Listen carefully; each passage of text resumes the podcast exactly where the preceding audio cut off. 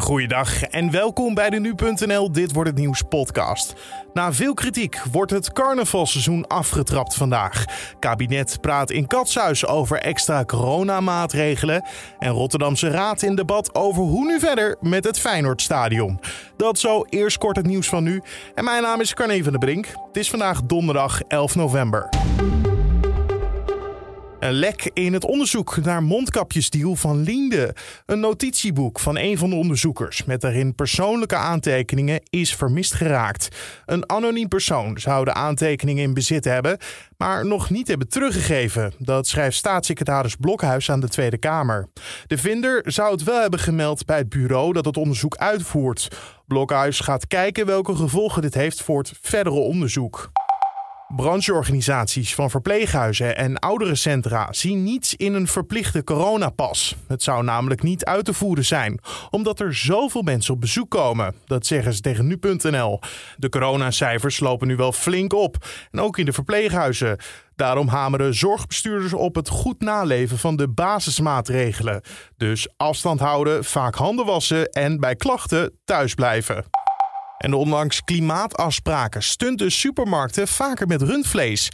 In de eerste drie maanden van dit jaar waren er 14% meer aanbiedingen dan in dezelfde periode vorig jaar. Dat meldt Wakker Dier. De ketens ondertekenden twee jaar terug een klimaatakkoord. En daarin gaven ze aan onder meer dat ze klanten actief zouden verleiden om minder vlees te eten. Door meer vlees aan te bieden voor lagere prijzen lijken ze het tegenovergestelde te bereiken, volgens Wakker Dier.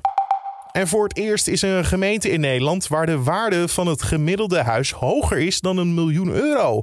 Het gaat om Bloemendaal, waar een doorsneehuis nu 1 miljoen 16.000 euro moet kosten. Je krijgt dan een huis met drie of vier kamers. Verder blijkt een koopwoning in ons land afgelopen tijd met meer dan 300 euro per dag duurder te worden.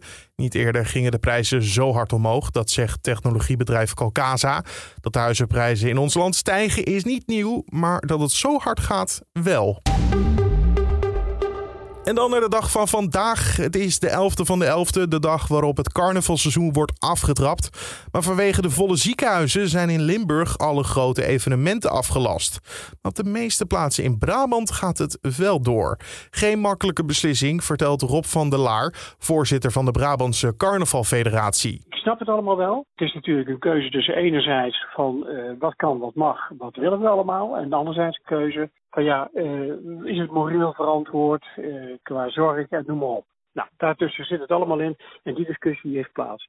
Maar die discussie die vindt maatschappelijk plaats. En ik vind dat er te veel de nadruk gelegd wordt op alleen maar het carnaval. Je ziet, de stadions lopen vol. Er zijn uh, feesten overal, dansfeesten, muziekfeesten en noem maar op. En daar wordt dan weinig van gezegd.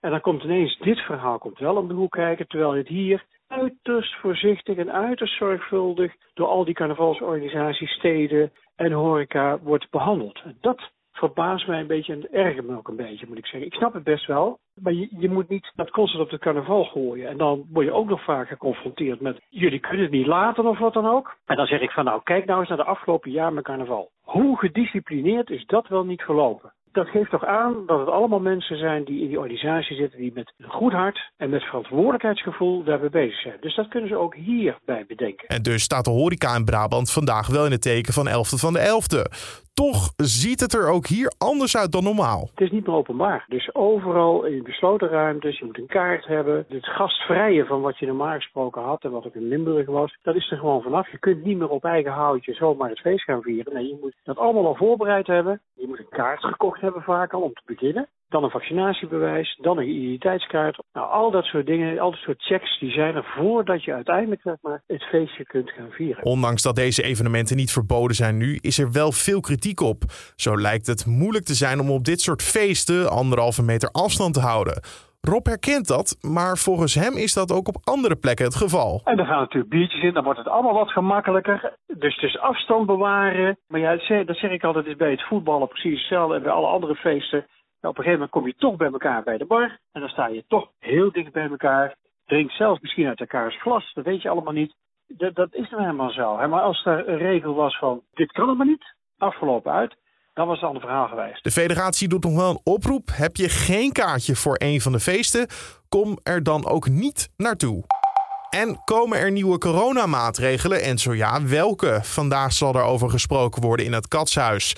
De kabinetsleden worden bijgepraat door RIVM-baas Jaap van Dissel, die het advies van het OMT zal toelichten. Rutte en de Jonge zinspeelden vorige week al op verdere beperkingen, waaronder een bredere invoering van het coronatoegangsbewijs. Morgen valt pas formeel een besluit en hoogstwaarschijnlijk is er dan ook een persconferentie. En de gemeenteraad van Rotterdam debatteert vandaag over het nieuwe stadion van Feyenoord. Ja, de club heeft gisteren de plannen voor minstens een half jaar uitgesteld. Reden daarvoor zijn de toegenomen bouwkosten. Feyenoord houdt nog wel alle opties open, zoals bijvoorbeeld ook renovatie van Stadion de Kuip. Maar het lopende stadionproject valt stil. En uh, ze geven ook om 11 uur vandaag een persconferentie. Het nieuwe onderkomen moest onderdeel worden van Feyenoord City, het omvangrijke bouwproject in Rotterdam-Zuid. Waarin naast een stadion ook honderden huizen, winkels, kantoren, hotels en attracties moeten komen. Dan over naar het weer van vandaag, aangeboden door Weerplaza. Roosmarijn Knol praat je erover bij. De meeste zon is vandaag weggelegd voor het zuidoosten van het land en elders trekken er geregeld wolkenvelden over. In dat wolkendek kunnen af en toe ook wat gaten vallen en dan is de zon even te zien.